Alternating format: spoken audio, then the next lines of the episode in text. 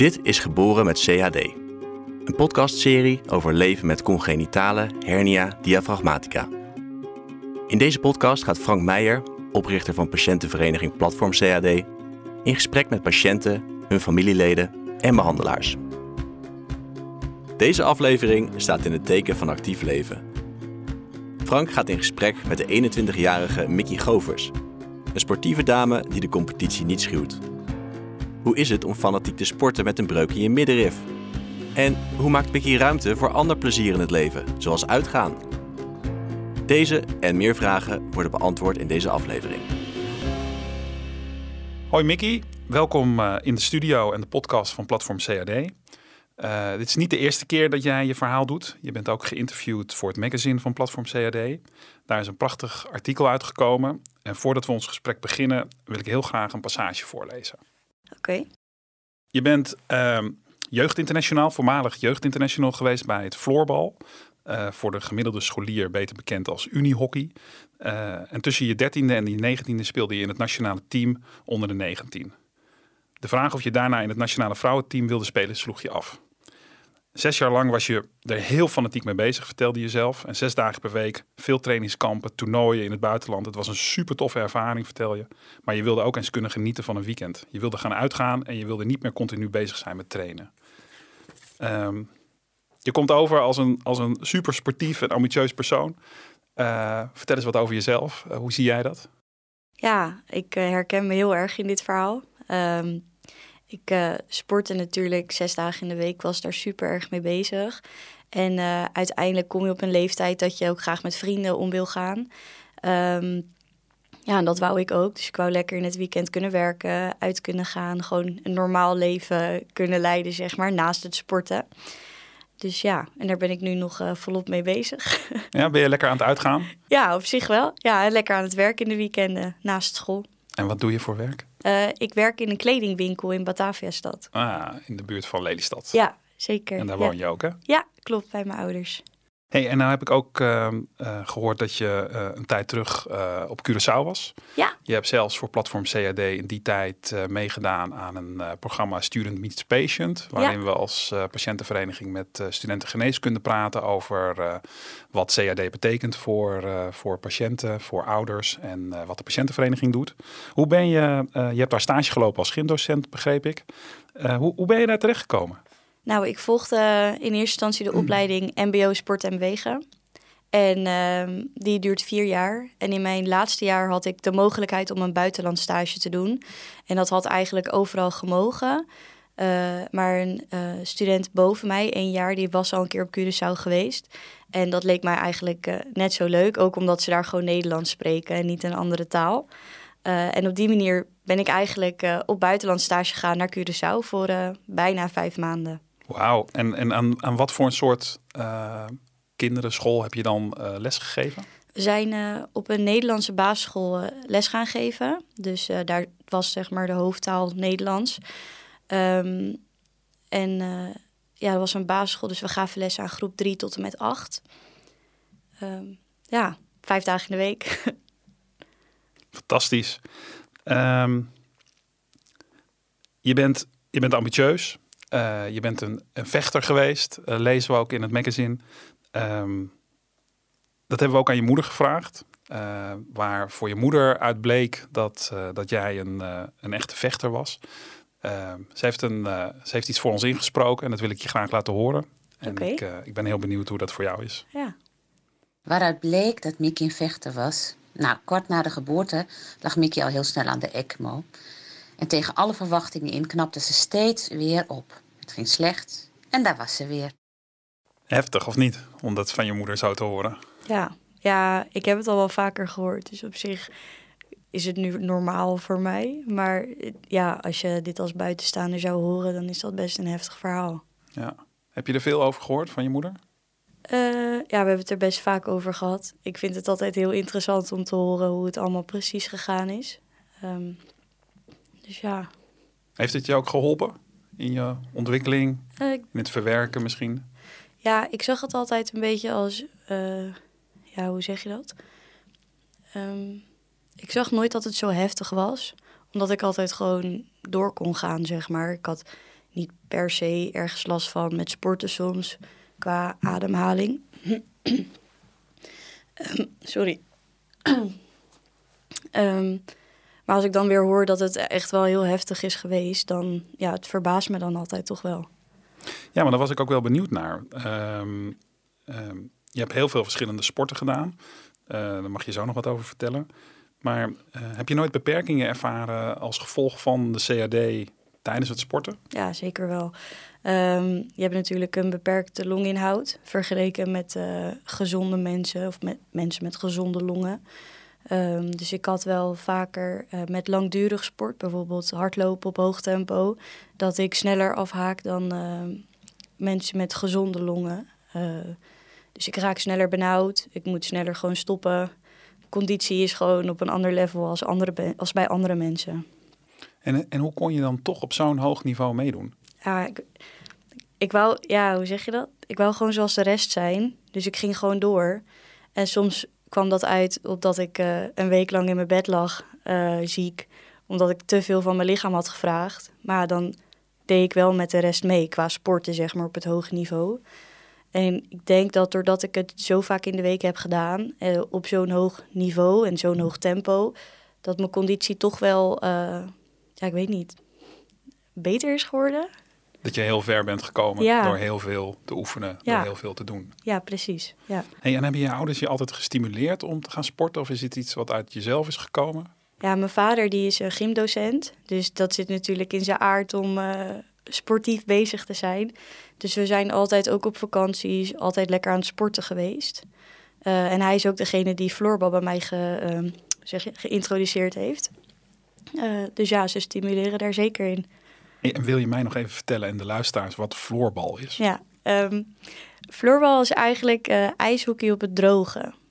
Dus uh, veel mensen vergelijken het met zaalhockey, maar daar zijn wij het niet zo mee eens. Want uh, je hebt echt een boarding om het veld. Um, het zijn meer ijshockeysticks als hockeysticks. Uh, daarnaast mag je fysiek contact hebben, dus je mag elkaar een duw geven. de bal mag je een voetpaas geven. Dus het lijkt alles behalve op hockey. Wauw. Ja. Nee, dat klinkt zeker niet als hockey. Wat is, je, wat is je mooiste ervaring geweest in al die jaren topsport? Poeh. Uh, ik denk toch wel, uh, ik ben mee geweest met twee kwalificaties voor het WK. En dat is toch echt wel een ervaring uh, om mee te maken. Ja, ook al, we hebben het niet gehaald twee keer.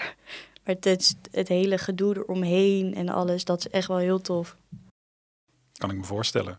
Denk je dat je moeder helemaal aan het begin, je hebt net het fragment gehoord, zo'n toekomstverwachting voor jou voor ogen had? Nee, nee. Ze zegt altijd wel dat ze gewoon maar ging kijken hoe het schip strandde, zeg maar. En eh, gelukkig is het deze kant op gegaan. We hebben het aan haar gevraagd. Ehm, we hebben uh, nog een fragment voor je klaarstaan waarin je moeder daar iets over zegt. En uh, klaar dat je graag horen. Oké. Okay. De toekomstverwachtingen voor Mickey toen wij hoorden dat zij CHD had, was geen. We wisten niet wat we te moesten verwachten en durfden niet te dromen van een positieve uitkomst. We hielden rekening met alle scenario's. Ja, dat komt me bekend voor. Ja? ja. ja? Heeft ze dat vaak verteld? Ja, heel vaak, ja. En wat deed dat met je? Ja, op zich niet zo heel veel, omdat het nu heel goed gaat. Maar als ik nu zelf zou moeten bedenken dat ik een kind zou krijgen uh, waar nog zoveel onzeker over is, ja, dan zou ik er wel hetzelfde in staan is dat best wel heel spannend. Heb jij altijd het gevoel gehad dat je zo'n actief uh, leven kon leiden zoals je dat bent gaan leiden? Heb je dat, heb je dat idee altijd van jezelf gehad? Ja, eigenlijk wel. Ja, ik wou eigenlijk altijd gewoon overal aan meedoen. Uh, en dat heb ik ook altijd gewoon geprobeerd. Ja. En zijn er dingen die je, die je echt laat? Of die je moet laten? Of wat je beter zou kunnen laten? Um, ja, het enige wat ik weet is, uh, ja, hoe zeg je dat, diepzeeduiken met zo'n zo'n fles op je rug. De artsen hebben verteld dat dat absoluut niet kan, omdat er een bepaalde druk op je middenrif en longen komt te staan. Uh, als je in een bepaalde diepte komt, dat dat dus heel gevaarlijk voor je kan zijn. Ik weet niet meer precies wat de achterliggende gedachten daarvan zijn. Maar dat vind ik wel jammer, want ik ben dan een half jaar op Curaçao geweest. En iedereen gaat uh, het water in met zo'n fles op zijn rug. En jij blijft snorkelen? Ja. ja, dat is wel jammer. Hè? Dat is echt het enige wat ik niet doe. En verder uh, probeer ik eigenlijk alles. Moeten we daar nog eens met de arts over gaan spraken. ja, of er een andere mogelijkheid is. Ja, hoe we dat voor elkaar kunnen krijgen. Ja. Ja, snap ik wel. Ja. Snap ik wel, zeker als je daar bent. Ja, super mooi daar beneden. Als het goed is. Ja. hey, ehm, je bent hier ook omdat we uh, willen laten horen uh, wat jij kunt meegeven aan, aan je leeftijdsgenoten met CAD, maar ook niet met CAD. En um, we hebben als introductie ook weer je moeder gevraagd hoe zij nu aankijkt tegen jouw huidige leven met alles wat jij gedaan hebt en gepresteerd heeft. En daar heeft ze vast weer iets heel moois over te zeggen. Dus dat wil ik je graag nog laten horen. Okay. Hoe we nu kijken tegen het leven van Mickey, met alles wat ze heeft gepresteerd, zijn wij waanzinnig trots. Ze is een grote doorzetter die niet onderdoet voor haar leeftijdsgenoten. Nee, zij gooit er nog even een stukje bovenop. Ondanks de toch aanwezige beperkingen. Ja, lief. Trots? Ja. ja. Mooi toch? Ja, echt leuk om te horen. Ja, hè? Ja. En wist je het? Op zich wel, maar het is niet dat ze dat elke dag zo tegen je zegt. Nee. Dus dat is wel leuk om te horen. Gaaf. Ja. hey, wat zou jij ehm, jonge mensen die geboren zijn met CAD en misschien nu op de basisschool zitten, stap voor stap groter worden en op een gegeven moment ook zo'n podcast als deze gaan luisteren, hopelijk. Wat zou je ze willen meegeven voor hun, hun leven met CAD? Um, ja, ik heb daar wel twee dingen voor die uitspringen bij mij. Uh, de eerste is gewoon vooral lekker meedoen. Gewoon proberen. En als het niet lukt, dan lukt het niet. En als het wel lukt, lekker doorgaan. Uh, maar gewoon vooral proberen. Bijvoorbeeld met sporten. Stel je denkt het gaat niet lukken qua conditie of iets anders. Probeer het gewoon, want waarschijnlijk lukt het. Dat is bij mij in ieder geval ook zo geweest. Uh, en als tweede uh, is dan luister goed naar je lichaam. Ik heb daar wel, ik heb dat minder goed gedaan. Daardoor ben ik vaak ziek geweest. Um, of nou ja, oververmoeid. Dat je gewoon echt een week nodig hebt om weer uit te rusten. Dus als je merkt aan je lichaam dat je moe bent, doe er dan niet twee schepjes bovenop zoals ik heb gedaan. Maar ga gewoon ja, even rusten. Een keertje niet uh, sporten of een keertje niet uh, een dagje naar de stad, zeg maar. Of zoals mijn leeftijdsgenootjes een keertje een avondje uit uh, overslaan. Um, ja, denk gewoon goed aan jezelf. Dat vind ik ook een belangrijk punt. Mooie tips vast ook best moeilijk voor jonge mensen om dat goed aan te voelen en daar wat Ja. mee te doen. Maar wel hele belangrijke tips. En wat zou je aanstaande ouders of jonge ouders met kinderen met CAD willen meegeven? ja, hoe, ik zou meegeven hoe spannend het ook is. Eh, hou hoop, zeg maar, voordat het wel goed gaat komen. Kijk, je kan alle scenario's in je hoofd houden en dat is ook verstandig. Maar hou ook dat stukje hoop dat het wel goed komt en dat het wel een goed gevalletje is. Die gewoon lekker kan leven en eh, lekker zijn ding kan doen. En mooie dingen bereikt. Ja, precies. Dankjewel. Mooi gezegd.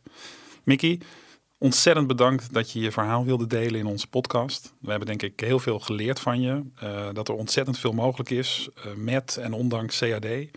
En we wensen je nog heel veel sportieve jaren eh, met heel veel leuke feestjes in het weekend. En eh, nogmaals, dankjewel dat je hier eh, wilde zijn. Ja, bedankt. Je luisterde naar Geboren met CAD. Wil je meer horen? Abonneer je dan op deze serie in je favoriete podcast-app. Dit was een podcast van Platform CAD. De patiënten- en lotgenotenvereniging voor mensen die te maken krijgen met congenitale hernia diaphragmatica. Platform CAD is actief in Nederland en Vlaanderen.